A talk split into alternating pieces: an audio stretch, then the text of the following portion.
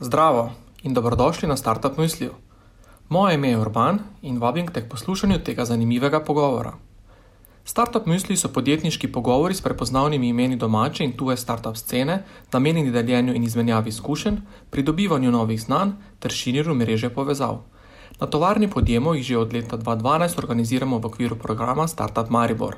Pa začnimo. Uh, skratka, Luka, uh, je z nami uh, iz podjetja Equito, uh, ki ne, kot lahko sklepate iz uh, naslova, govori in se ukvarja z zagotavljanjem finančnih virov, uh, pa tudi mogoče malo širše gledano o financah uh, podjetniških, bo kasneje več povedal. Uh, in seveda je več kot pravi trenutek, uh, ne, zdaj sploh, ko planiramo ne, naslednje leta da si pogledamo, kaj vse je na voljo. Pa predvsem, kar je super, je, da pač Equito in Lukas super pozna in se ukvarja tudi z finančnimi viri, ki mogoče niso tako dobro poznani.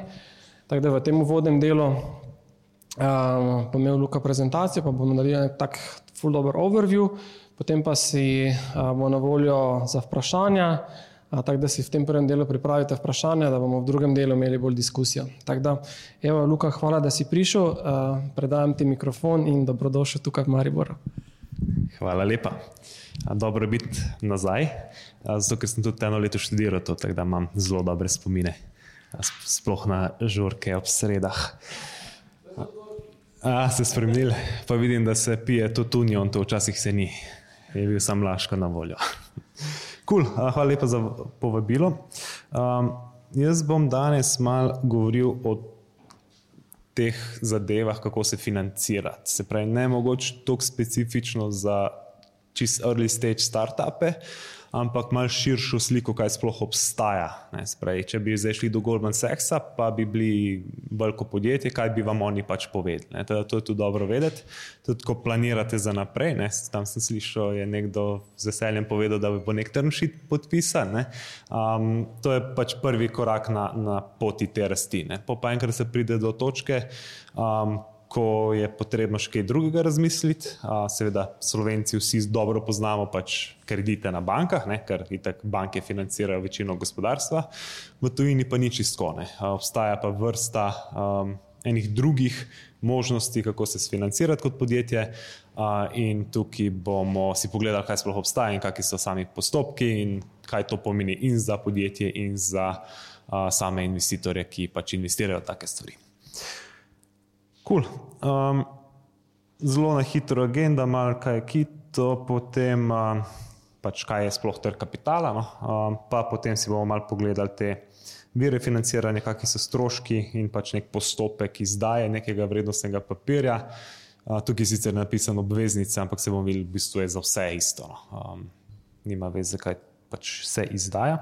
In ko rečem izdaja, pač ko investitor investira, mu podjetje izda vrednostni papir. Se pravi, to je ta pač transakcija. Um, in si bomo bolj podrobno tudi to pogledali, kako poteka. Um, Na Equitu v bistvu vsi pravimo, da smo moderna finančna institucija, moderna zato, ker vse delamo pač digitalno, onboarding in vse za stranke, in tudi investicije, ki jih imamo, so pač preko platforme. Razen če delamo pač nek private placement samo za institucije, pa pač to naredimo po starem načinu. Naš fokus pa je pomagati pač podjetnikom se pravilno strukturirati z CFO as a service storitvami, pomagati pri izbiranju kapitala, ali je to equity ali obveznice ali neka kombinacija, in pa pol na drugi strani tudi pomagati investitorjem pač dobro investirati ali z finančnimi nasveti ali pa z upravljanjem premoženja. Ti se pa bolj klasičen brokerage business. Um, cool nas je kar nekaj, no, rečemo 8 plus full time, širša ekipa je nas je 15. Uh, smo pa v bistvu zbrali za podjetja že več kot 25 milijonov. No. Uh, eno od teh je bilo precej veliko, uh, 20 milijonov plus, uh, ker je bil čisti public offering, tako je IPO, sam da ni šlo podjetje na borzo, ampak je samo zbiralo pač kapital od javnosti.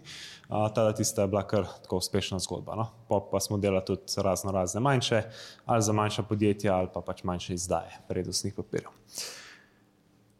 Tako da, dajmo si pogledati, kakšne so same možnosti. Sprej, itak, glavno vprašanje je, zakaj sploh iti na trg kapitala. Um, en vidik je seveda pač ti tri FI, ko ste verjetno že velikrat slišali, a, to je tisti nekako prvi a, korak ali pa sam bootstrapping. Ne? Ampak so pa pol a, določeni, določene točke v, v tej poti rasti, a, ko se pa pač potrebuje a, dodatni kapital. Ne? Zdaj ta kapital je lahko za pač potencialno tudi kakšne prevzeme. Ne? Če ste že v tej točki, ko gledate malo konkurenco, pa bi jo mogoče prevzeli. Uh, pol, ne vem, čist research and development, novi produkti, storitve, pač skalanje samega biznisa. Uh, lahko je pa tudi prestrukturiranje ob, obstoječih obveznosti, pač če podjetje je recimo zadolženo, pa hoče se malo diversificirati, da ni odvisno samo od ene specifične banke, uh, pa lahko tudi gre v kako tako zgodbo. Um, In temu si pogledati, kaj točno obstaja. No? Zelo, zelo na hitro, pač itek banke, sploh v Sloveniji in tudi načeloma v regiji, so tisti glavni financer podjetij. Um, pol imamo s premoženjem zavarovano financiranje. Uh, to si predstavljate, da ste podjetje, imate eno uh, veliko mašino nekje v fabriki um, in jo zastavite za to, da vam nekdo posodi nek denar. Pač, če tega denarja ne vrnete, pač boste izgubili tisto mašino. Ne? Podobno je, ko vzamete ne vem, kredit na nepremičnino, je to efektivno um, pač z nečem, z nekim premoženjem ali premično ali nepremično zavarovana naložba za investitore, kar pomeni uh, zavarovano financiranje z vaše strani. Um, pa so tukaj dolž, dolžniški instrumenti, to je zelo straightforward, to je posojilo v obliki uh, vrednostnega papirja ta, ko greste na banko in dobite posojilo, če bi to posojilo zapakiral v nek vrednostni papir, kar pomeni samo, da je prenosljiv, da ga lahko nekomu jaz kot investitor pač prodam naprej, to je to. Ne? So pa seveda polnoter zelo specifike, kaj doda, dodajamo, Sprej, ali je kaj zastavljeno, uh, ali so kakšni tako imenovani covenanti, se pravi, da zadolženost ne sme naraščati v tem obdobju, ko imam pač to posojilo in tako naprej. Tako da to gre pa skozi tako imenovane obveznice oziroma dolžniške instrumente. Imamo pa te lasniške instrumente, kar čisto simpel pomeni equity, ko pač nekdo investira, sploh visi. Um, Investira v equity, spravi njih zanima upside in njih ne zanima pač neko posojilo, saj pač pri early stage startupih. Ne. Oni hočejo videti, da to zraste krat sto ali pa krat tisoč, Um, in v tem primeru je pač solastništvo podjetja tisto, kar je zanimivo. Uh, so pa tudi uh, določeni instrumenti, ki so zelo equity-like, da si bomo tudi pol kasneje pogledali. Um, je pa en, ena kombinacija teh dolžniških in pa lasniških, ki pa pol zapadejo v to mezanin oziroma med hibridne instrumente. To je pa tako, če smo recimo neki investitorji in hočemo imeti upside hočemo biti pa do določene mere, recimo ali dodatno zavarovani, ali pa imeti nek fixed income, se pravi, da nam podjetje vsem plačuje neke obresti vsako pol leta ali pa leto, tukaj pa pol zapademo v ta hibridni mehanizem. Ne. Tukaj si pa lahko izmišljujemo karkoli. Da se skombinirati marsikaj, tudi se da skombinirati na specifični, specifični produkt, da investitor dobi samo, če ne vem, štartamo z novim produktom, da samo iz tega produkta revenue se deli z investitorjem. Tako da možnosti tukaj je pa res, res, res veliko. No. Okay. Če pa pogledamo, recimo, malo statistiko, velika večina podjetij, zdaj to je za Evropo, malo starejši sicer podatek, ker to je iz ene knjige. Um, ampak je tudi, mislim, da so posodobljeni podatki zelo, zelo podobni. Um, se večina evropskih podjetij financira uh, z bančnimi posojili in pa te tako imenovanimi uh, overdrafti ali pa credit lines. Prej to sem pač, da imaš možnost iti v negativen balance pri, pri sami banki. Um, zelo tam potevil proti koncu imamo pa debt securities pa equity. Uh, teda to recimo v Evropi, sploh pa v tej regiji tukaj Slovenija in pa pač še bolj dol na jug, je se to zelo malo uh, uporablja, nažalost, uh, ker je pa zelo dober uh, način financiranja, sploh za, za srednje, velike in pa večje podjetja. Uh, recimo v Ameriki je tega precej več, ne, je to skoraj da obrjeno uh, na, v drugo smer, ker je recimo equity in debt securities so kar na. Tam drugem, tretjem mestu, glede financiranja pač podjetij. Teda, nažalost, še nismo tam, ne. ampak smo pa počasi lezemo v pravo smer. Um, recimo bančno uh, financiranje, seveda so pač krediti, ti limiti, kreditne linije, ok, kreditne kartice še za, z, načeloma za potrošnike. Uh, in tu je en pač graf, um, ki kaže, koliko je bilo zasebnemu sektorju v Sloveniji uh, danih posojil. Ne. In kaj je bilo tam le 2010, zakaj je začel padati? Kdo ve? Ne, 2008 je bilo kaj? Kriza. Pač dejansko uh, gospodarska kriza svetovna. Um, in se je videl od 2005 do 2008, se je Slovenija kot pač gospodarstvo in potrošniki smo se zadrževali kot zmešani. Uh, pol je pač vse skupaj počlo in je pol nekaj časa trajalo, preden se je začel tako imenovan deleveraging, ko so pač podjetja bila ali v stečajih, ali so bila prisiljena v poplačevanje dolgov, banke pa itek niso na novo pač posojale. Ne? Hkrati pa tudi kapitalski trgi tukaj niso dobro funkcionirali, kar pomeni, zato smo imeli pač full močno krizo, ki ni trajala samo eno leto, pa pol tako v Ameriki, ampak je trajala kar lepo pač 5-6 let, oziroma je bil tako imenovan double dip, se pravi dvojni padec v krizi. Um, teda 2012 um, je tudi pač bilo kar precej hudo. Tam je full velik padec, pa vidite tam 2013, 2014, je pa slaba banka prevzela pač ene. Kar velik delež slabih kreditov in jih pa je začela likvidirati in um, pač probala čim več ven iztržiti. Teda tudi v primeru pač bančnega financiranja, seveda je banki v interesu, da ko vam posodi denar, da ta denar dobi nazaj. A, zato pa, ko boste šli kot startup do banke, bojo rekli ne ker enostavno je pač to pretvegano za njih, ker pač tako je treba prvo doseči produkt market fit, pa je treba pač dejansko imeti prvič prihodke, pa tudi dobičke, ne? ker če že dobičkov nima podjetje, potem banka bo rekla zelo verjetno ne, razen če imate nekako hudo nepremičnino za zastaviti ali pa osebna poroštva, kar nikakor nikoli ne delati. Pač, če je ena stvar, ki jo tukaj vam potegnete, če boste se na kakršen koli način financirali, um, mora striktno biti ločeno pač podjetje in pa vi kot founder tega podjetja. Nikoli ne zastavljati lastnega premoženja uh, za to, da bi pač podjetju lahko uspelo, zato ker lahko se marsikaj zgodi. Ne? In zdaj, da boste si še celo življenje, uh, kakšni banki ali pa komu dolžni, tudi če osebno, ne samo prek DO-ja, to je no-go. Um, okay to, to so banke, v glavnem pri bankah je čist klasika, uh, hočejo čim bolj varno naložbo, uh, super zavarovano, super cash flow, kar pomeni, da za start-upe efektivno pač tak način financiranja ni na voljo. Um, zdaj, če gledamo to s premoženjem zavarovano financiranje, uh, pač tukaj se lahko zastavijo terjatve, zaloge, opreme, nepremičnine, tukaj no, tudi pade factoring, pa leasing, ker je vedno nekaj v ozadju, kar pač se zastavi. Um, tako da to niti ni tako fez zanimivo. No. Pa so pa ti dolžniški inštrumenti. Spravi, um, če si sposojamo na trgu kapitala do enega leta, neko posojilo, se temu reče komercialni zapis. To je pač vrednostni papir, ki ima neko vrednost. Se pravi, reč, če rečemo en milijon, si bomo sposodili, čez eno leto bomo vrnili pač milijon in še nekaj. Ne, se pravi, se ne plačuje sproti obresti, ampak se sposodi in se na koncu po enem letu ali treh mesecih ali šestih mesecih, odvisno kako dolg pač je ta maturity, to dospetje, se pač povrne. Pa so seveda podjetniške obveznice, te so pač od enega leta pa na vzgor. V Sloveniji je nekako standardna praksa, da se nekje tri do štiri leta um, so te obveznice, ki se še izdajajo, kaj več ni tukaj apetita pri naših investitorjih v tujini so pa tudi obveznice, ki so precej daljše. Spravi, da si pač podjetje sposodi za recimo deset let na trgu kapitala za izdajo obveznice. Ne. Imamo pa tudi uh, koncept tako imenovanih perpetual bonds, uh, to so pa pač obveznice, ki nimajo dospetje, ker podjetja ali pa države sam pač plačujejo obresti uh, in pa nikoli ne poplačajo te glavnice. Imajo pa pač možnost, uh, da prečasno poplačajo.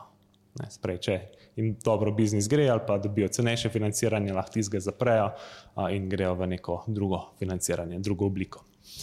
Um, ok, pa so tu uh, securitization, loans, pa kripto obveznice, ni tako relevantno. Uh, Dajmo se pa vprašati, vpraša, če kdo je sploh tukaj investitor. Uh, večinoma te obveznice kupujejo institucionalci. To so pač pokojninski skladi, to so vzajemni skladi za vrvalnice in tako naprej. Tudi zelo velikrat pač podjetja z presežnimi sredstvi. Teda, če recimo ste nek startup ali pa mogoče malo mal večje že podjetje, no, um, doskrat lahko dobite financiranje tudi od kakih poslovnih partnerjev.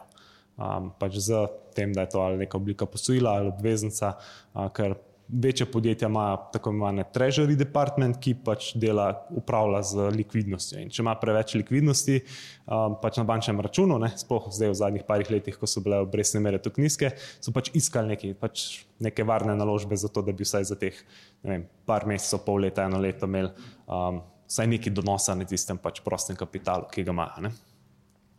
Um, to pa imamo pa še seveda premožne posameznike oziroma high net worth individuals, um, to so pa razno razni pač boskaroli in podobni, uh, ki pa pač tudi z deležem uh, premoženja uh, iščejo uh, take naložbe, kot so obveznice. Ne?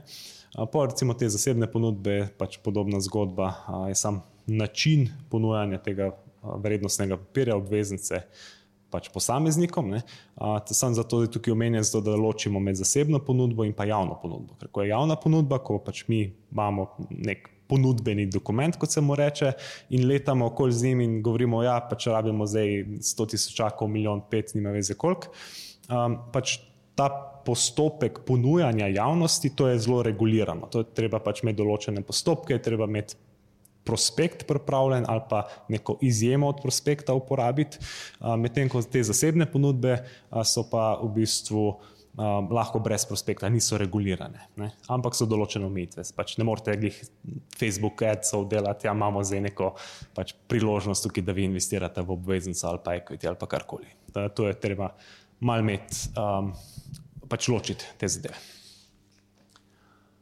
Cool, pa so ti hibridni um, inštrumenti, ki so pa kombinacija, rečemo, neke obveznice z nekim delom equity oziroma equity-like um, donosov. Um, to je lahko recimo neke podrejene obveznice ali pa neka posojila, ki imajo vezano obrestno mero na poslovanje podjetja. Zdaj, če vam jaz zdaj posodim 100 tisočakov, pa rečemo, ok. Obrestna mera je 10% na leto, ampak če bo pa vaš uh, revenue sprejet, da bodo vaši prihodki zrasli za več kot uh, 50%, hoče imeti pa še del teh pač prihodkov. Tada, tu vidite, da se da zanimivo skombinirati, ne? ker vse je to pač efektivno posojilo v obliki nekega finančnega inštrumenta, um, lahko pa pač značilnosti čisto, da, da bi bil solasnik. Ampak jaz nimam pol glasovalnih pravic, pa ostalih pravic. Ne. Imam pa pač ta upside tudi. Tada, tu so zelo um, pač fleksibilni instrumenti in so kar zanimivi. Je pa res, da če z njimi naslavljamo um, nepoučene investitorje, se doskrat zgodi, da tega ne bojo ali razumeli. Pa tudi, recimo, VC kot taki um, imajo ponovadi radi neke zelo straightforward uh, pač investicije. Spravi, kaj takih bolj kompleksnih zadev se ne grejo. Um, Tako da je to nažalost ni tako pogosto uporabljeno, pač med srednje velikimi ali pa majhnimi podjetji. Pri teh ta velikih je pa recimo spol za financiranje kakega projekta, se doskrat uporabljajo pač take zadeve. No. To je zelo zanimiva zadeva. Cool. Pol, če gremo na lasniške, to je itak delež podjetja, ne spreče ste DO. Um, v primeru, če govorimo zdaj bolj o startupih, no, Um, jaz doskrat govorijo o tako imenovanih um, convertible loans, se pravi, to so posojila, ki imajo možnost konverzije v equity pod določenimi pogoji. Ta, to je dosti pogosto v Ameriki, da skrat boste slišali tudi tako imenovan SAFE, um, Simple Agreement for Future Equity. To so vse neki strukturirani produkti, ki na koncu, na koncu končajo v equity. Imajo pa um, v bistvu na začetku to prednost, da so simple za, za sprocesirati kot investicijo. Se pravi, ni treba, v večini primerov ni treba iti k notarju um, in se lahko to kar parih dneh spravi na papir in pač podpiše. Um, to, to je ta prednost nekih takih kombinacij. Ampak ja, vsem je v interesu pač biti lasnik uspešnega podjetja, zato ker ko podjetje raste, um, to pa pomeni, da seveda pač vrednost tega deleža podjetja tudi narašča. Um, zdaj, če pa je podjetje oblikovano v delniško družbo, je pa ta delež pač poimenovan delnica. Um, lahko je delniška družba, ki ni na borzi, ali pa je pač tudi na borzi in pač se z njo trguje. Um, Polje pač jo lahko kupimo tudi preko neke platforme, preko nekega brokerja. Ne? Um, Obstajajo tudi neke preferenčne delnice, to so delnice, ki imajo določene um, lastnosti, neke prednosti pred navadnimi shareholderji. Recimo, izplačilo dividend mora biti prvo za te, ki imajo preferenčne delnice. Ne. To je najbolj pogosta oblika teh preferenčnih.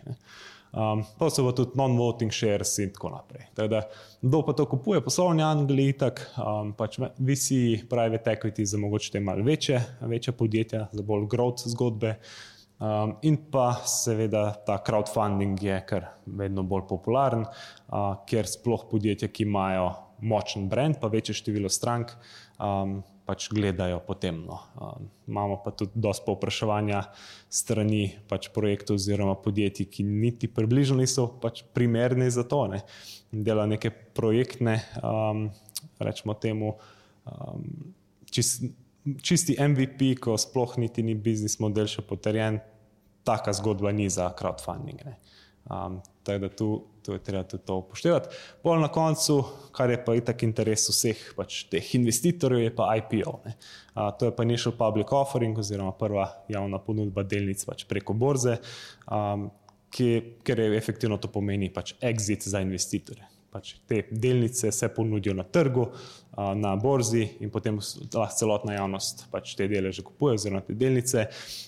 Tisti prvi investitorji, seveda, upajo, da bo uspel prodati po čim večji višji ceni, zato da naredijo pač zelo dober donos. Teda to je, so mokre sanje vseh visijo, da njihova podjetja, v katere so investirali, naredijo IPO in to po možnosti ne na Ljubljanski borzi, ampak na kakem Nasdaqu ali pa kje v Ameriki, ker so vrednotene precej više.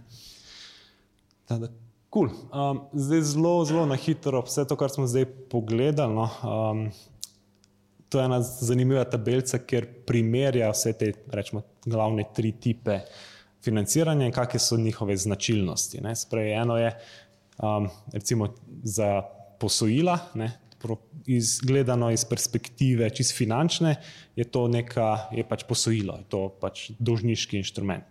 Medtem ko ta mezanin, ko smo gledali, je pa to bolj equity, pravno gledano je pa pač vse to uh, neke vrste posojilo. Ne. Uh, teda tukaj je še ene par drugih uh, zadev noter, tako da pač slajde, ne vem, urban, če boste to kje objavljali, um, si lahko pač pogledate, ker je kar zanimiva zadeva. Um, ok, to ne bomo pogledali zdaj pa je ta strošek financiranja pa vedno pač pomemben za podjetje. A, ker strošek financiranja je tudi v primeru, če date nekomu delež podjetja. Mar si kdaj se zgodi, da nek founder reče, ustanovitelj, se, če jaz dam nekomu nek delež, to mene nič ne stane. Če pa mi da nekdo posojilo, pa jaz moram vsakič pač vsako mesec ali pa vsako leto plačevati, je pa to cash outflow in to me pa veliko stane. Ne? Ampak ni čistko, ker equity je lahko najdražji, oziroma je najdražji vir financiranja. Zakaj? Zato, ker če podjetje uspe, niste več lastnik 100% podjetja, ne? ampak ste samo še ne vem, 70 ali pa 50. Ne? In zdaj, če to podjetje na koncu vredno 100 milijonov je strošek financiranja za tistih, ne vem, pol milijona, ko ste na začetku zbrali, zdaj naenkrat 50 milijonov, če pač na koncu imate 50%. Teda, tudi to je treba upoštevati ne, in to bomo tudi naprej pogledali, um, pač kakšni so stroški uh, samega financiranja za različne type inštrumentov. Zdaj, nekako tista čista osnova, odkot izhajajo vsi ti stroški, je pa temeljna obrestna mera. Sprej, to je pa tista obrestna mera, katero postavi centralna banka. Uh, um, ko je tudi v pač Evropi ECB zdaj zelo hitro zviševala um, pač te, te obresti. Uh, zakaj? Zato, ker te temeljne obrestne mere potem vplivajo tudi na um, koliko so obrestne mere za državne obveznice. In državna obveznica je pa tista, rečemo, neka risk-free, iz katere se pa pol cel trg pač se naslanja na njo. Ne? In se naslanja na tak način, da um, ko greste po, po kredit, bo temeljna obrestna mera vplivala na to, um, koliko bo obrestna mera za vaš kredit. Ne, se pravi, vedno je nek pač pribitek, je vedno Euribor plus nekaj nekaj. Ne. Zdaj je to 1%, 2 ali 3, je odvisno, koliko ste tvegani kot pač oseba ali pa kot podjetje. Ne, zdaj, če gremo pa naprej po tej strukturi, a, imamo pa recimo to s premoženjem zavarovano financiranje, je pa neka spet temeljna obrestna mera ali pa neke državne obveznice plus nek pribitek, ki je pa tukaj še višji kot pa na banki. Ne. Če gremo pa še eno stopno naprej, če gremo pa do obveznic, uh, imamo pa recimo dolžniški inštrument, je pa že plus šest. Seveda, to je odvisno od velikosti podjetja. Če bo Krka šla zdaj izdajati obveznico, je ne bo izdala po devet ali pa po deset, ne, ampak jo bo izdala po ne vem, pet ali pa šest. Zdaj, če bo pa neko manjše podjetje šlo izdajati, pa mogoče vse pač v redu posluje, pa to pa jim uspe, um, bo pa obrestna mera 10, 12, 15. Teda, tu je spet ta faktor tveganja in stabilnosti poslovanja in tako naprej. Uh, pol imamo pač te hibridne mezanin, uh, tu je spet full odvisno, kako je strukturirana uh, celotna zadeva. Je recimo nek ta pribitek, rečemo plus 10. Lasniški instrument je pa gli za to, um, ker dajemo delež podjetja, je pa zelo velika zahteva na donosnost investitorjev. Ko se z visijo pogovarjate, ne, ali pa poslovnim angelom, pa komorkoli, ki vidi v nekem startupu potencijal in bi rad investiral pač ne bo hotel videti 5% na leto v naslednjih desetih letih donosa. Ne? Bo pač iskal priložnost, da naredi krat 100, krat 1000 na tej investiciji, kar pomeni na letni ravni, pač mora biti kar precej visok, zahte, tako imenovan zahtevan donos, pač da se nekdo odloči, da bo investiral. Um, zdaj, za drugo je pač čisto odvisno od sami, same strukture. Ne. Okay, zdaj pa zelo na hitro gremo samo čez pač postopek izdaje nekega vrednostnega papirja. Zdaj tukaj imamo en primer pač obveznice, ampak tudi če bi to gledali za delnico, se je pisal postopek isti ali pa je če nek mezanin. Ne. Um, zdaj, načeloma se vedno oblikuje prvo pač struktura, kaj je ta vrednostni papir. Ali je to obveznica ali mezanin ali equity, um, pač kaj so značilnosti, kaj je pač samo dospetje in tako naprej. Ne. In recimo, pač, koliko se zbira, um, je recimo, minimalno plačilo, če se recimo, ponuja te zadeve javnosti, obdobje oplačevanja, kakšne so. Uh, je ta ročnost, če je to obveznica, pa obrestna mera, pač glavna tveganja je treba pač opisati noter, in pa tudi, seveda, če so neke dodatne finančne zaveze. Sprej, to so čist klasičen primer. Je, um, če izdate obveznico, isto ali pač greste pač po kredit na, na banko, vam bojo dali zavezo, da se ne smete v nekem obdobju več zadolževati. Ne. Ali pa da ne sme neko razmerje med celotnim dolgom, glede na nek dobiček ali pa na prihodke, se ne sme povečati na določeno vrednost. Ker če se poveča, vam povišajo obrestno mero ali pa vam še kaj bolj začnejo težiti. To, to je pa čista zgodba tukaj, uh, ko se definirajo te zadeve. Um, Doskrat tudi, kar mi počnemo, no, ko pomagamo podjetjem, je, da neformalno čist preverimo na trgu, kakšna je situacija. Tudi se start-upi, tako pač poante agilnosti, market test in tako naprej, da prvo narediš nek uh, minimum viable product, greš na trg in dobiš nek feedback, ga izboljšaš in tako naprej. Isto pač delamo recimo mi. Uh, pač strukturiramo nek vrednostni papir, pa gremo do ene par investitorjev in rečemo, hej, tole imamo na mizi, a ti je zanimiv, da povej, kaj bi spremenili. In to dobimo pač od treh, štirih investitorjev nek feedback, gremo nazaj za mizo in pač pripravimo na tak način, da je njim bilo v redu, in pol seveda bo potencialno večja vrednost za uspeh, za cel, cel fundraise pelat. To je dokaj straightforward. Pol je pa ponudbeni dokument. Se pravi, Če se zbira sredstva strani javnosti, je treba tako imenovan prospekt pripraviti. To je tako, od 60 do 250 strani dokument, um, ki pa ima noter predvsem opisana tveganja. Itak značilnosti instrumenta, značilnosti in pač biznis plan uh, samega podjetja. Večino vsebine pa tako bolj pravne um, in je dejansko opisano, uh, kaj so glavna tveganja pri pač poslovanju, pri tem specifičnem finančnem inštrumentu in, in tako naprej. Um, in ta prospekt um, morajo pripraviti vsi, ki zbirajo več kot 5 milijonov evrov ali pa ki naslavljajo uh, javnost. Spravi, če vi zbirate tudi vem, 10 milijonov evrov, ampak jih zbirate samo od nekih profesionalnih investitorjev ali pa je minimalna investicija 100 tisočakov, pol ne rabite prospekta. Seveda, itek boste mogli imeti pitch deck, pa finančni model in tako naprej, ker boste pač komunicirali z investitorji in to hočejo imeti, ne, ne rabite pa tega pravnega, tega legal dokumenta.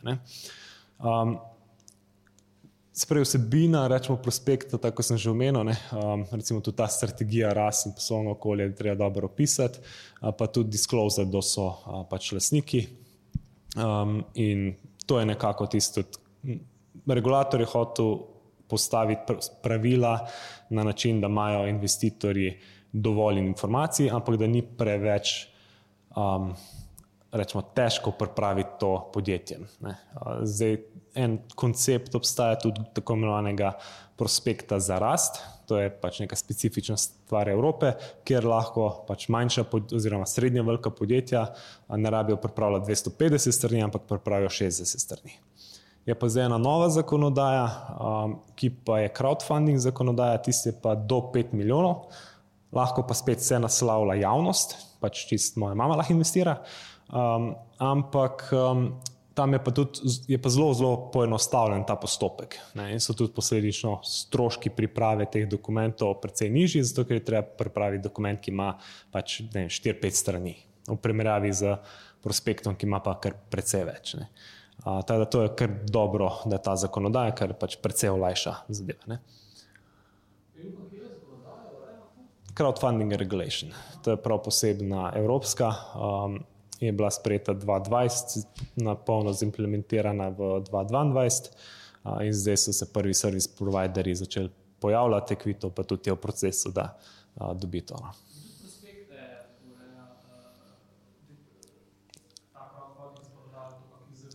Ne, prospekt je posebna uredba o prospektih, um, spet evropska zadeva. Omenjeno je sicer noter v ZTFI-ju, sprej zakon uh, trgu finančnih inštrumentov pri nas, ampak se jih sklicuje večinoma tja gor. In tam noter je definirano, pač, kaj mora biti vsebina, na kak način mora biti komunikacija. Recimo, ne smeš uh, tudi ta insider information ali pa določenim, oziroma če imaš ti prospekt, ne smeš informacij, ki niso v prospektu, nekaterim investitorjem razlagati. Če že, moraš vsem hkrati.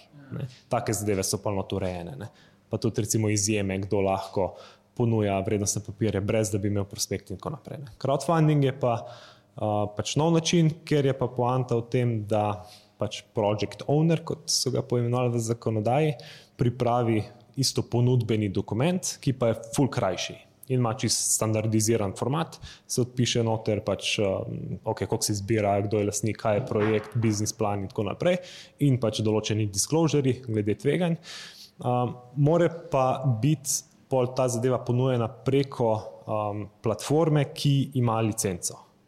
Ne, sprej ne moreš ti to prepraviti, pa iti kar malo do investitorja, ampak mora biti, ker poanta te zakonodaje je glih v tem, da so vse rečemo, neke platforme, ki preverijo ta dokument, preverijo, če je pravilno izpolnjen in tudi določeno tveganje pač prevzamejo na sebe. Teda, to bomo še videli, kako dobro se bo razvil. V Ameriki je to ene par let nazaj a, se začel a, razvijati in tam so kar a, hitro zrasli. Recimo Republic je ena platforma, ki je že naredila full teh delov in pač očitno deluje, ne, ker so te zahteve glih tako majhne, da se tudi startupom splača. Ne. Je pa res, da mentaliteta investitorjev v Ameriki je precej drugačna kot pa v Evropi, sploh v Sloveniji. Um, da tam tudi startupi dejansko zbirajo pač preko takih platform uh, in pač ljudje investirajo po nekaj sto ali pa nekaj tisoč dolarjev. Uh, sploh pa zato, kar sem na začetku omenil. Če ima pač startup močen brand in veliko število strank, je recimo crowdfunding zelo zanimiva pač priložnost. A, zakaj? Zato, ker prvo, kar greš, je, greš do svojih strank, rečeš, evo, super, vidim, da kupujete od nas ali storitve, produkte, karkoli, dajte nas podpreči na finančni način, pa boste imeli še dodaten plus, ko bomo pač dobičko nosni ali pa zrasli ful in tako naprej. Izdaja prospekt izdajatelj, sprej podjetje, ki um, zbira kapital. Um, napiše ga pa ponovadi nek ali investicijska banka ali pač tako smo mi, pač investicijsko podjetje, ker je tako vsebina je dost specifična. No. Teda zdaj en founder ali pa nek podjetnik ne bo znal sam napisati prospekta. Ne. Ni nič toliko fejs težkega, pač zamudno eno. Um, teda pa prospekt gre pa na ATVP, to je agencija za trg vrednostnih papirjev in oni pol preverijo vsebino. Mi pol vedno pošljajo komentarje, ja, tam ni bilo dosti jasno napisano, tam upišite še ta tveganja, kaj ste mislili s tem in pol imaš še ne dve, tri pač, rečemo, debate z njimi in to je čisto formalno, pač pošljajo po pošti in pol odgovarjaš na tiste komentarje in tako naprej. No. In pol pač odobrijo prospekta, tehnično gledano ne morajo zavrniti, če pa ne popoln, bojo pa sam skozi težili, da pač dopoln, dokler ne bo iz njihovega vidika pač dosti dober. Teda lahko se pač ful zavleče, ampak se zato je pa fajn, da se dela prospekte z ali kako pač odvetniško pisarno, ki je to že delala, ali pa z kako investicijsko banko, ali pa pač borzno posredniško družbo, no, ki pač to delajo. Cool.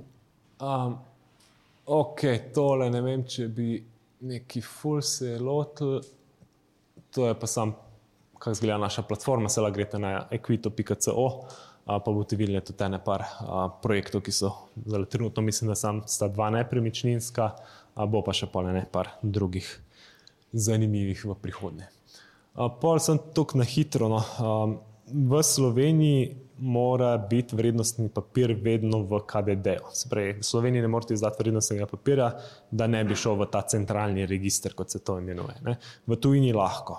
Recimo pač v Avstriji, Švici, Nemčiji lahko imate pač lahko podjetje izda vrednostni papir in pač samo podjetje vodi tako imenovan shareholder registry tudi, recimo, verjetno, če ste bolj v tej start-up sceni, ste verjetno že zasledili v Ameriki, kako so pač popularne te platforme za menedžeriranje shareholderjev, sprej samih investitorjev, ne, da jim pač ali poročate, ali recimo izplačujete dividende in, in tako naprej. Tudi recimo start-upi imajo doskrat ta vrednotenja, ki jih morajo delati pač po ameriški zakonodaji, teda to so pa tiste platforme, ki to omogočajo. Pri nas mora biti prek KDD-ja, ne pač take zakone. Zdaj, ok, KDD je sam centralni register, pač Ljubljanska borza je pa pač tam, kjer se pol delnice trgujejo ali pa druge vrednostne papirje. Teda podjetja, ko izdajo vrednostni papir, se pol odločijo, okay, ali bomo zdaj ta vrednostni papir dali tudi na borzo. Ne? Če dajo delnice na borzo, je pač to, rečemo, IPO. Um, če dajo pa obveznice, pa sam to kotacija na borzi. Zakaj je to dobro? Zato, ker investitorji pa lahko med sabo trgujejo in pač, če nekdo rabi likvidnost, proda nek vrednostni papir prek borze in je to to. Ne. Je pa res, da manjše kot je podjetje, manj je zanimivo za investitorje in je tudi manj likvidnost. Prej se ne bo dalo tukaj veliko trgovati. Ali pa če ima nekdo velik delež podjetja, ga ne bo mogel enostavno prodati na borzi, sploh ne ljubljanski, ker nažalost ni neki velik volumen. Ne ampak tudi pač podjetja so dokaj mejna. Um, kar je pa ena dobra stvar, no, vedno ko razmišljamo, oziroma ko slišimo ta IPO, si vedno lahko predstavljamo, da je to nek full kompleksen postopek in full enih.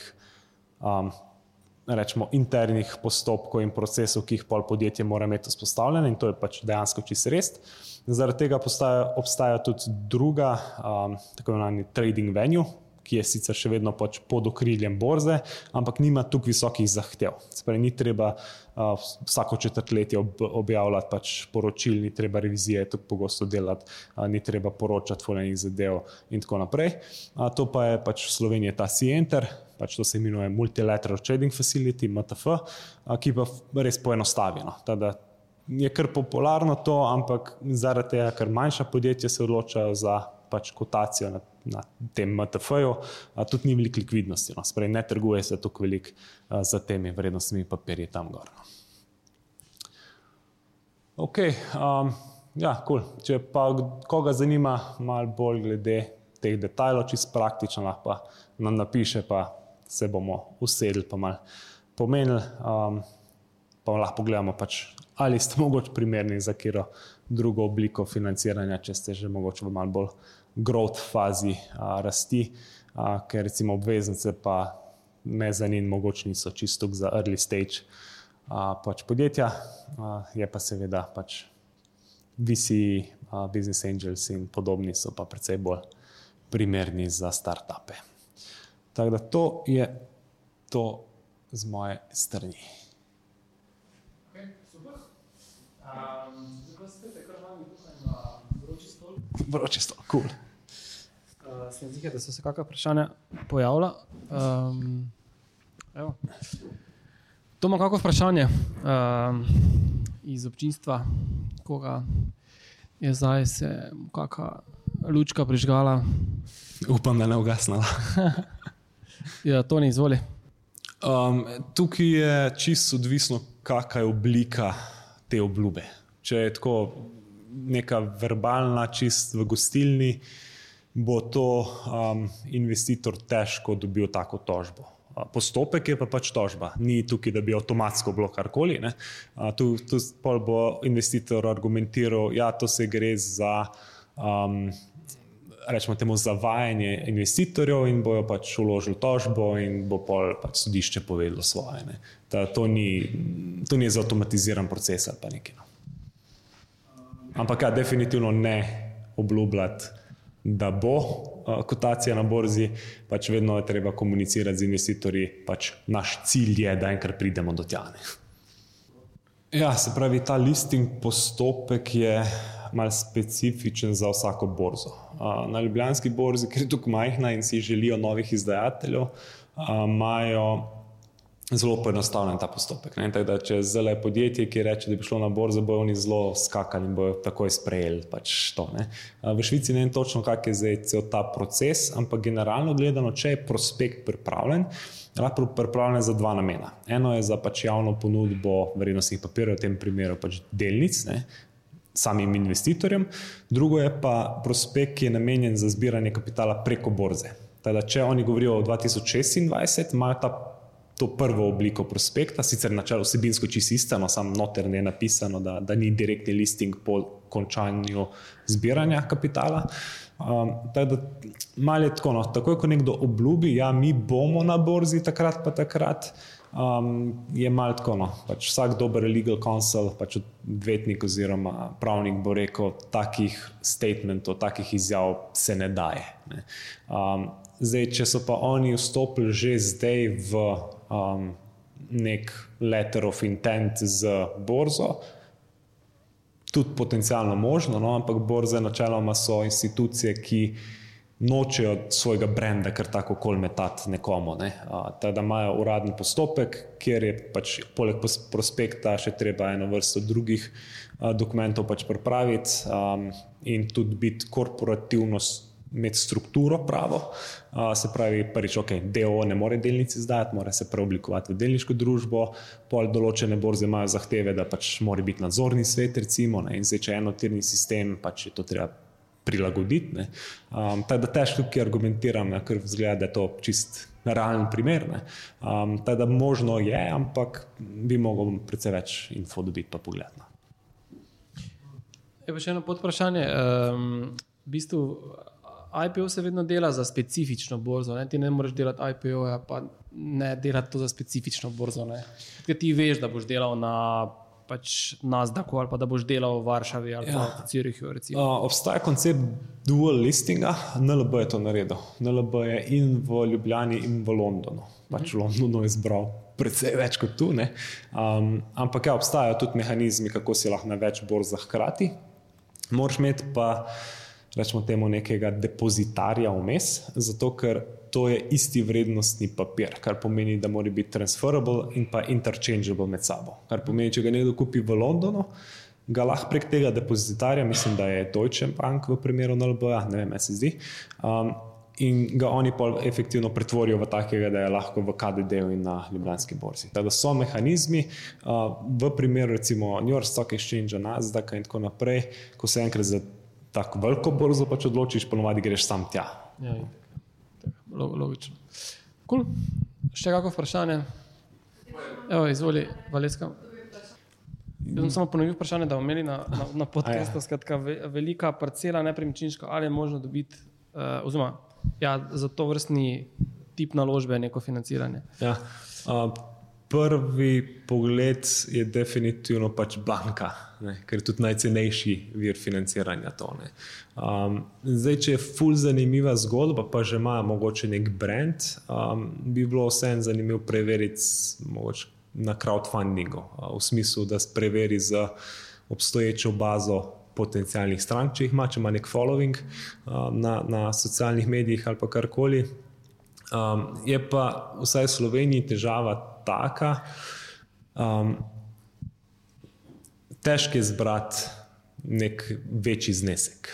Ne. Uh, zdaj, če je to mogoče ne vem, nekaj deset tisočakov ali pa rečemo nekaj sto tisočakov, um, to bi še šlo čez, ne. ampak zdaj, če je to nek večji projekt, um, rečemo, par milijonov, je pa problem v tem, da takih majh, majhnih investitorjev, mislim, majhnih, še eno sto veliki, pač high net worth individuals, um, jih je premalo. Ne? Ker v Ameriki je ne vem, koliko, pač nekaj deset tisoč milijonarjev, ne?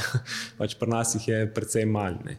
Um, in je težko zbirati, rečemo, za take zelo majhne, specifične zadeve neko ne, rečemo, milijon ali pa nekaj. Um, zato, ker je pa tudi premajhen za institucionalce. Mogoče bi kakšen institucionalc bil za, zainteresiran za to, sami imajo pa oni omejitve, recimo večina pokojninskih skladov ima omejitev, da lahko investira maksimalno 10% od vrednosti izdaje. Zdaj, če nekdo zbira en milijon, instituciji, ko ima eno milijardo v upravljanju, ali pa tudi če ima 100 milijonov, pač ne da se njim ukvarjati za 100 tisoč investicij. Ne. Pa da pol mora še kakemu notarju ali pa neki mah ni šans. Tako da teoretično ja, praktično pa težko. Ja. Hvala. Um, tam zadaj, ja, izvoli. Finančni nasvet, evo, ja. kam diversificirati uh, tisoč, tisoč evrov.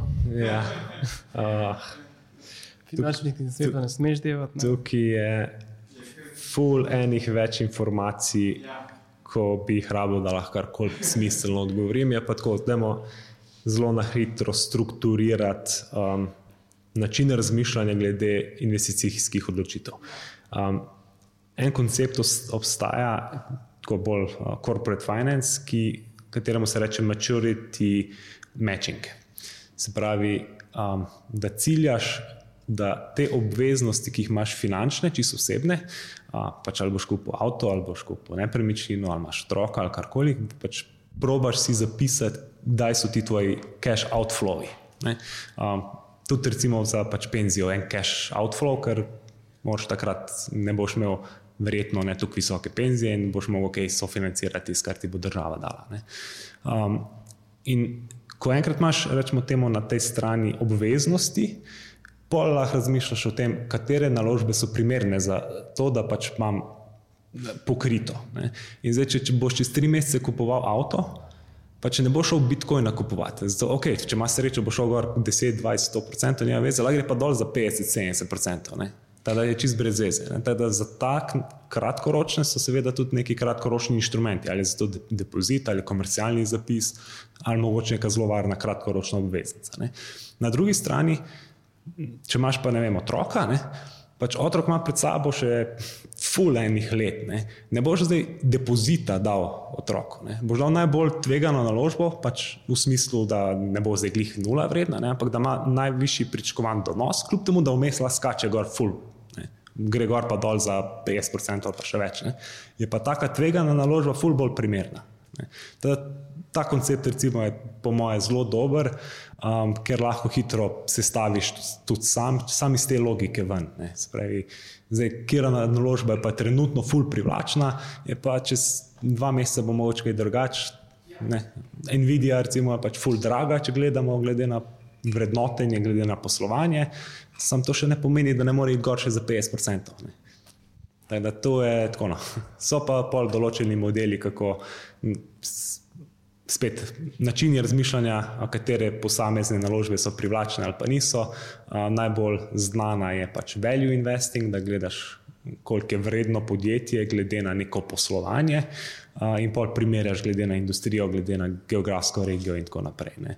In pol ugotoviš, da določene so pač drage, recimo ne, ameriški trgi, sploh te največje, so, vsaj na hit pogledaš, so zelo drage, medtem ko Evropa je pač poceni, pa se vprašaš, ok, sem gospodarstvo v Evropi, ne vem, Nemčiji je neka recesija, um, nepremičnine padajo. Je razlog, da je poceni, sam po drugi strani je pa, pač ta razlog, da je poceni glih ta panika med investitorji in je zdaj mogoče dobra priložnost. Tako da bi rabili še ne 4-5 ur, da bi šli čez vse možne kombinacije. Drugič. Ja, drugič. Okay. Kako, še kako vprašanje? Ne, v čist, čist zgodni fazi je brez veze to delati. Um, glavo dol, grind it out, delati na produktu. Ko vidim, da si mlad, pač, le, na mestu greš v štuka, žurat, pač se vsed za, za, za računalnik, pa pač delaš uh, celo noč. Um, ker če si res ta pravi entrepreneur, pol je ti je to pač užitek. Um, da do investitorjev hoditi z neko sam nekim pitch deckom, pa to mogoče v Ameriki, v nekem Silicon Valley, tukaj pač moramo imeti rezultate. Ne? En rezultat je Traction, um, tudi knjiga z imenom Traction je kar dobra. Um, in je sam to poanta. Pač. Imeti produkt, ali je zdaj to karkoli fizično, ali je to software ali karkoli, um, to probati, bootstrapati čim dlje, kot se le da. Uh, pol mogoče povabiti par family, friends and fools, kot se pravi, uh, posel pa pač skupnosti, ne, um, startup.si in podobne, in tako podim in tako naprej.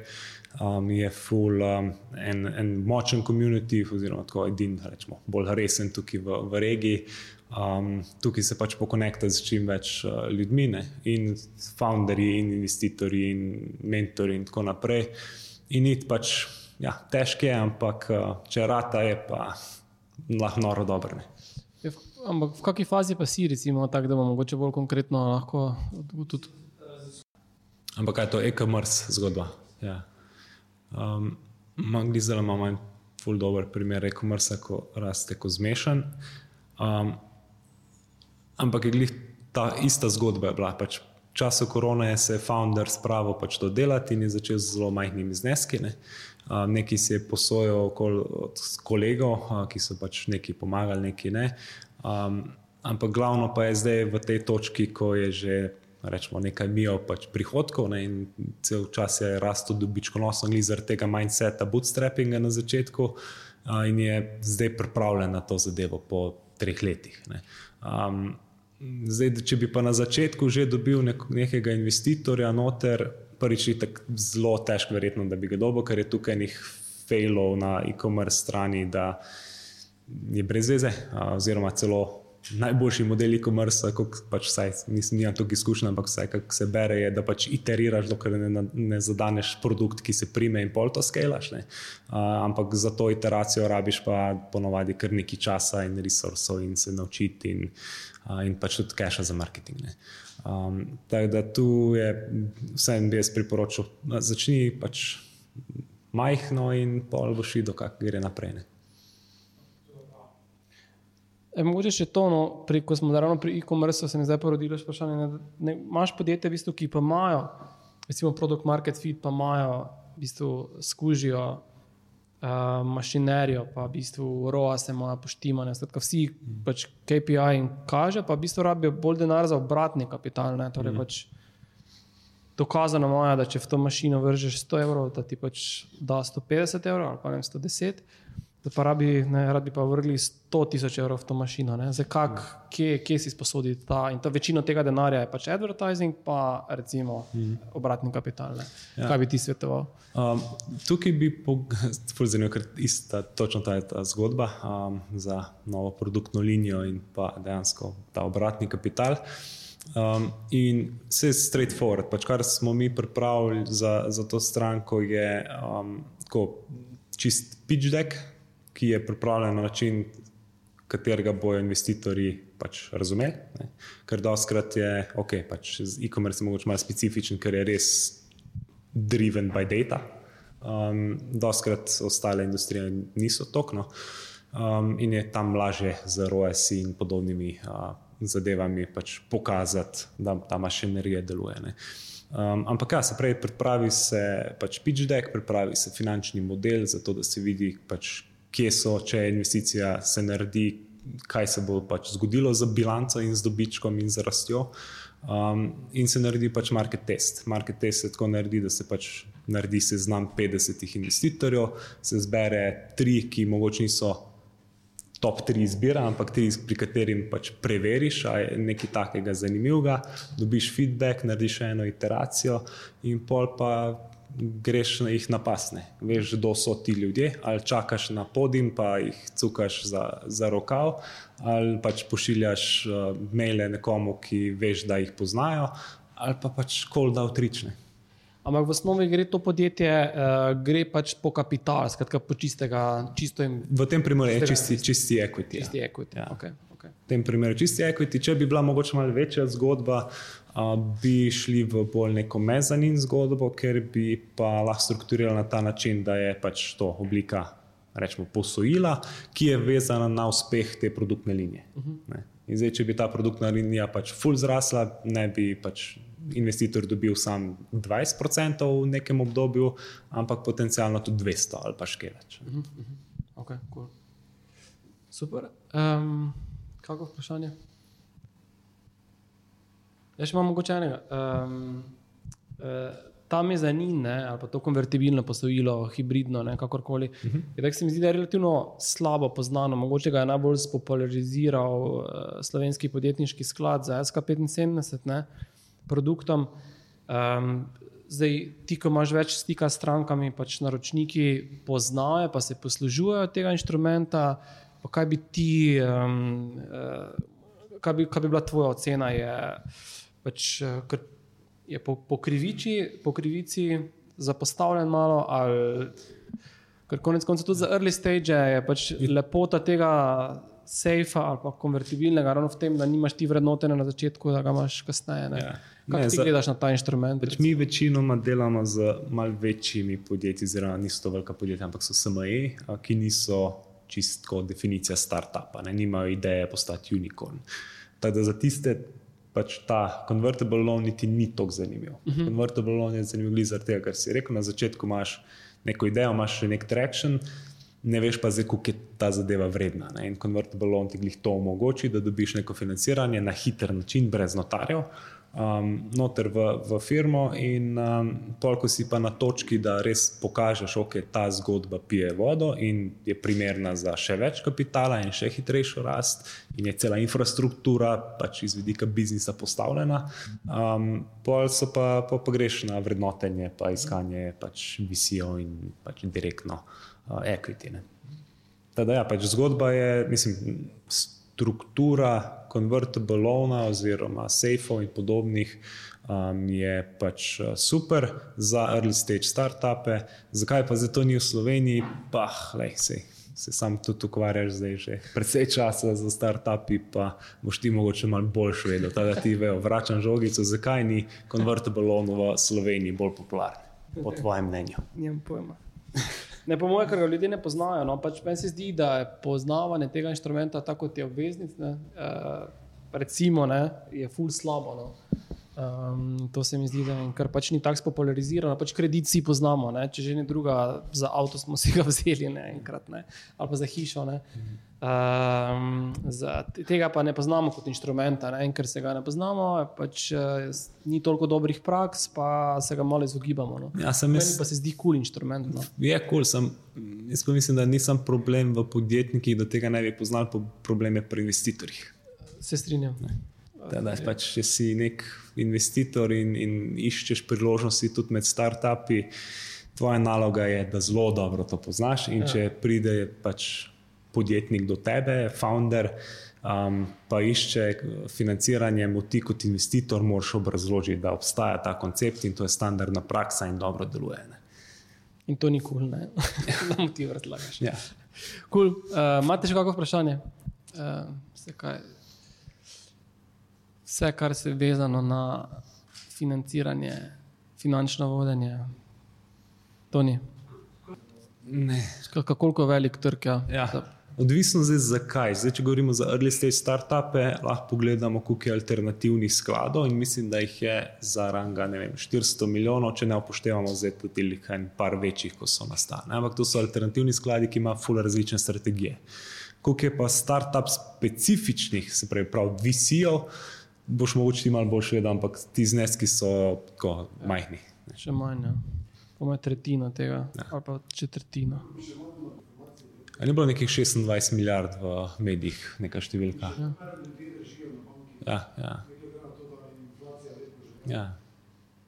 Ne, sem treba tudi vedeti, da um, če bi zdaj ta denar šel vem, v nakup delnic Krke, bi spet končal na bančnem depozitu. Zato, ker ga nekdo prodaja in pa ima pač nekdo drug ta depozit. Ne. Uh, da spraviti iz depozitov nekam drugam.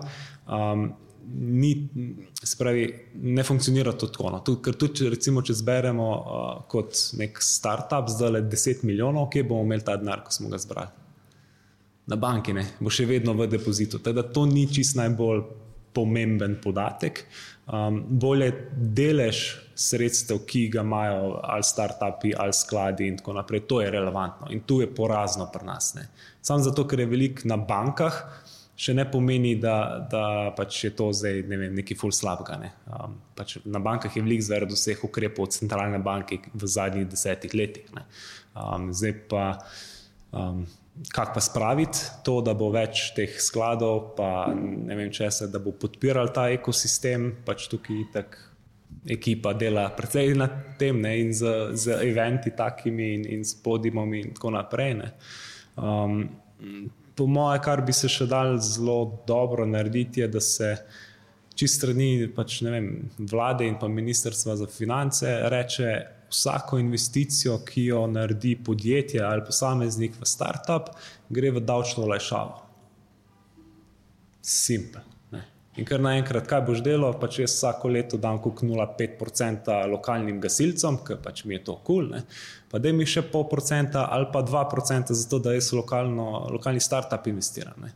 Pa v redu, sej pač kaj bo to nekaj 100 evrov, nekaj tisočakov. Če pač imamo vsi ta incentiv, pač to je čisto majhen potisk, pač en zakon se spremeni in, in stvar rešena. In pač kar naenkrat bi en del tega kapitala, ki je čist na investiranju in je pač mrtev, uh, bi lahko končal v, v ekosistemu. Ne. Zdaj, ali so to pač obveznice, ali so to res start-upi, karkoli. Pač, treba se odločiti, treba to definirati in bi, po mojem, bi kar veliko se premaknilo. Mm. Se pa ne more to na hitro, nažalost. Okay. Skratka, trading sistemi, ja, um, AI. Tako je. Um, mogoče tako ena zgodba. Jaz sem začel s trgovanjem tam 2006-2007. Pol smo začeli ne samo z valutami, ampak smo šli tudi na tako, tako imenovani high frequency trading. Torej, high frequency trading je način trgovanja, ko hočeš ti z pač, zelo hitrim dostopom na pač, borzi neko informacijo uporabiti sebi v prid, da si pred vsemi ostalimi. In takrat, že 2007-2008, smo mi začeli delati ta high frequency trading na čikaški borzi, ker je bil naš server zraven čikaške borze. In naš kabel do unga servera, od našega serverja do unga, je bil enako dolg kot od vseh ostalih, zato da imamo equal access. Um, zakaj to razlagam, se bom prišel do pointa. Um, takrat smo to začeli delati. In je bilo kar tako donosno, v bistvu, full donosno, res tako pač noro. Iz par tisočakov se je res naredil precej. Uh, pa se je pa trg prilagodil. Pač 2010 so malo večji igravci odprli in kar naenkrat, pač, ko smo mi hoteli stopiti in kupiti ne vem, neko terminsko pogodbo, cena je bila višja in sploh je nismo mogli kupiti. Ne. In ti, v bistvu, to lovljenje takih priložnosti je že skozi odkar borze obstajajo. Pač, vem, en primer je bil um, Napoleon, ali ne vem, glavno ena vojna je bila in je en pač vedel, da je ena izmed držav, nimam pojma, kdo je izgubil. In je šel na konja, in pač, da je čim prej prišel do, do Londona, pred vsemi pač ostalimi, ker je imel informacije in pač na ladju, in tako naprej, da je lahko prodal neke obveznice in pač ful zaslužil. Prednja informacija. Tako da koncept je isti. Tako da vsaj ta mehanizem, um, kako pride neka nova novica na trge, to je že optimizirano do take mere, da AI nima tukaj nič. To je sam hitrost. Ne? Zdaj, če govorimo pa o logiki in načinu izbora posamezne naložbe, ki je lahko short term naložba v smislu, pač kupim zdaj, prodam čez 10 minut ali pa čez 2 uri, lahko je nek medium term za par dni, par tednov ali pa long term za nekaj mesecev, nekaj let. Ne. Tukaj je pa toliko enih researchov že bilo narejenih z machine learningom in z vsem, da je težko verjeti, da bo zdaj nek AI, sploh ti LLM, dobil neko prednost pred tistimi, ki so ki so razvili modele uh, že zdaj vrsto let. Ne. Tako da AI kot tak um, ne vidim nekih, da bi zdaj kar naenkrat neka superinteligenca bila specifično za finančne trge in bi pač kar naenkrat milijarde donosa naredil tak, tak model ne, oziroma tak AI. Um, bo pa pač mogoče uporabniško izkušnjo izboljšal, mogoče bo ta na svet, da ga ne bom rabo jaz tako le dajati, bo pač AI ga dal, pa bo zelo dobro odgovoril. Um, za te trgovalne strategije pa ne vem, no, ker tudi jaz sem z ekipo iz Ektima, um, to je Boris Sergol, pa ne, dva še zraven, tudi iz Maribora Rok. Um, so oni res eksperti uh, na, na tem uh, področju in so že leta 2010 uh, smo že začeli nekaj sodelovati na, na tej ideji. Uh, ker tudi moj način investiranja, tako osebno, je pač čist kvantitativen, ne, na podlagi pač finančnih modelov, matematike in tako naprej. Um, in smo že takrat nekaj pol poskušali razvijati, dobili eno full drago bazo podatkov, ker smo te modele pač neki šraufali in tako naprej. Um, in je res bilo težko. Ne. Se pravi, res je bilo težko karkoli ven uh, uporabnega dobiti z pač machine learningom in, in s tem. Ne. Ker doskrat se pa dobi uh, ven neke, rečemo, temu signale, uh, ki pa so, ker dopovedano, pač izriti potegnjeni. Zato ker AI in machine learning to, to nima vsebinske uh, logike, ne. tako ima nek model, ki ga postavi nek ekonomist ali pa neki, ko ti reče, ok če je delnica podcenjena, glede na poslovanje, pač vsebinsko ti razumeš, zakaj se gre. Um, ti modeli so pa tako, pač, ja, če je korelacija tam, pač gre, gre za tem. Da, um, ja, no. Ampak definitivno se bo vedno več tega uporabljalo. Tako da slaba novica, ne imamo zdaj vsi milijonari čez noč. Ja. okay, uh, dajmo kako še zadnjo vprašanje. Um, čase, čase nam je iztekel, še kako, kar se tiče financiranja startupov rasti? Ne, crowdfunding po evropski zakonodaji je čisto evropska zadeva. Ne. Je največji, je definitivno ameriški, um, ampak američani ne bojo v slovensko firmo investirali. Da, da tukaj je pol sam marketing, da se dobi evropske investitorje. Mislim, so mehanizmi, kateri pač naredi se special purpose vehicle in pač se to entiteto financira skozi ali crowdfunding ali kjerkoli pač izdajo vrednostnega papirja in pa ta SPV pač investira naprej v offshore. A, tukaj seveda pol vprašanje glede in davkov in um, tveganja po preprečevanju pranja denarja in tako naprej, da lahko se zgodi, da pač mi zavrnemo neko tako stranko, če pač ni skladno z, naši, z našimi internimi politikami, ampak mehanizmov je tukaj precej. No. Ampak tudi, kar se tiče samo, samo to, ne, ko smo pri crowdsourcingu, ne, za Kickstarter, tudi ne rabiš več imeti ameriškega podjetja. Ne, ti, ne, ti lahko greš z slovensko entiteto. Ne. Odkar pa če stravi v Evropi, po Sloveniji, pač, ki je temeljna plačilna platforma, je pač ti lahko greš slovenskim DOM na Kickstarter. Prosim? koliko stane ta ja, storitev? Um, ja, mislim, to govorimo priprav, zdaj odvisno, koliko je pripravljeno podjetje na to. Zdaj, če govorimo čisto konkretno za crowdfunding, um, je pač priprava vse dokumentacije in due diligence in to pač govorimo nekaj tisočakov, pole pa performance-based. Zdaj, če podjetje rabi še full dodatne podpore pri pač marketingu, je tudi to treba upoštevati, da je treba ali pač marketing ekipo imeti ali pa pač nekoga plača za to, da pač naredi. Ne. Ker crowdfunding je poanta glih v tem, da se um, pač marketinško naslavlja investitorje. Ne. Evo, crowdfunding smo rešili, Luka, hvala. En aplaus, prosim, za Luka. Hvala lepa. Kontakti so zgoraj, prezentacije bomo poslali. Um, tako da, evo, Luka bo še kakšno minutko tu na voljo, minutko pet za kakšno uh, vprašanje na štiri oči, kot mi pravimo. Uh, drugače pa se vidimo kaj čez en mesec na kakem mislijo. Evo, hvala lepa, uspešno zbirajte denar in se vidimo v naslednji priložnosti. Luka, hvala še enkrat. Hvala, enako. Ti je bilo všeč? Da ne boš zamudil novih epizod, klikni subscribe. Veseli pa bomo tudi tvoje ocene, komentarje in delitve da za nas vedo še druge radovedne glave. Pobrskaj po naši bogati zbirki pogovorov, gotovo se v njej skriva še kaj zate. Se slišimo?